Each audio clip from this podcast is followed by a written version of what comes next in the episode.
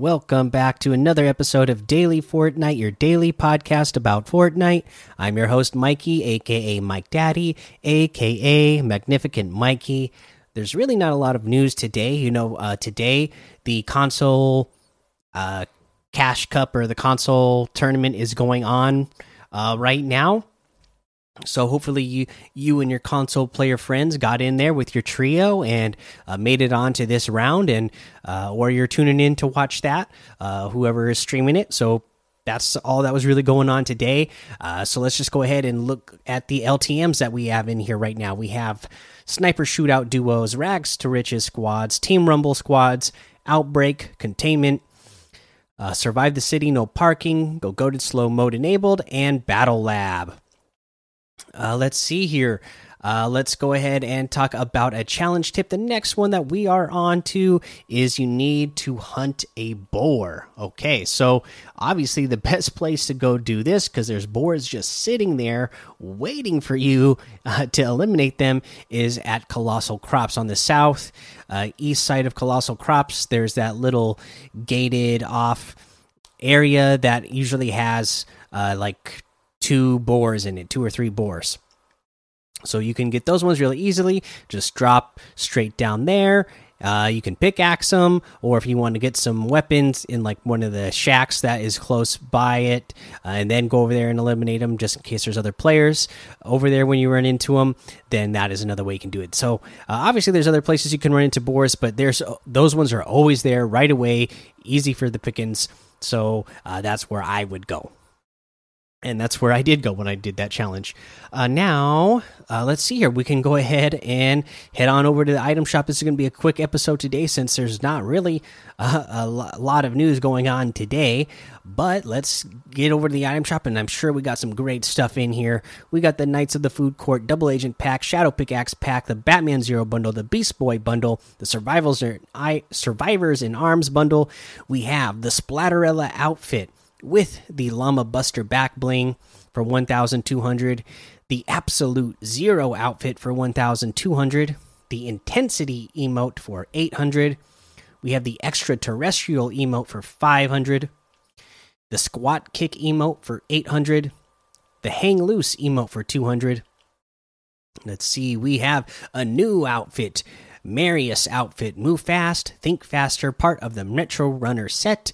It has a couple selectable styles. It has the Marius color, uh, where I guess this is like uh, black, and Marius slate, where it is like a slate gray color. So pretty cool.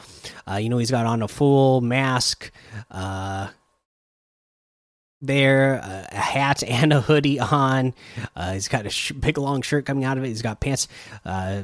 I guess he's supposed to be like some sort of skater. I'm guessing since the uh, person who made this is named EA Skate. Again, this is another fan art, uh, concept art that was taken from the community and added in here. Again, his name was uh, on Twitter. Yeah, it's uh, let's see here. Yeah, uh, EA Skate Concepts. So shout out to him for bringing this great outfit in here. It's 800 V bucks, so pretty cool outfit to have for 800 V bucks with two selectable styles already. You know, there's plenty of skins that we've gotten in the game in the past are 800 V bucks that they add styles later on to, which always makes them a great deal. But this one, you know, couple selectable styles right off the bat, so pretty good deal. Uh, we have the insight outfit with the slight the sight sling back bling for 1,200. We have the long shot outfit with the scope satchel backbling for 1200 we have the orin outfit with the uh, mecha fusion jump kit backbling for 1200 the null pick harvesting tool for 800 the jelly outfit with the shelly backbling for 1200 the scampy harvesting tool for 800 the love ranger outfit with the love wings backbling for 2000 the tat axe harvesting tool for 800 and that looks like everything today, so you can get any and all of these items using code Mikey, M M M I K I E, in the item shop, and some of the proceeds will go to help support the show. Okay, so for our tip of the day, you know what?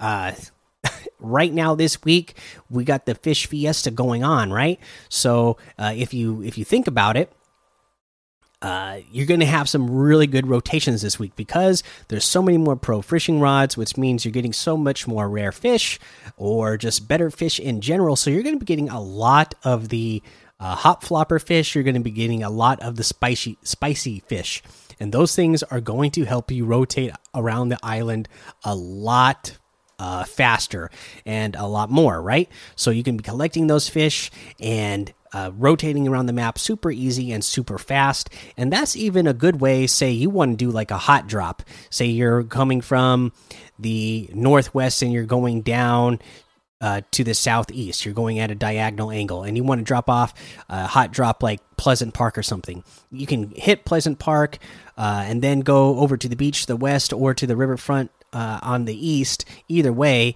do some fishing, get some hot floppers or the spicy fish, and rotate down south on the south side of the circle really fast if you wanted to, and then be set up. You know, you'd be able to uh, uh, loot a place like Pleasant Park and get good loot. And then rotate down to the south side of the circle, where there's probably going to be less people, since the uh, since we're talking about the direction of the the the battle bus and then go down there and uh, just sit and have good loot already and have rotated super fast and uh, be around uh, you know other areas where you can do more fishing and then rotate super fast again if you need be.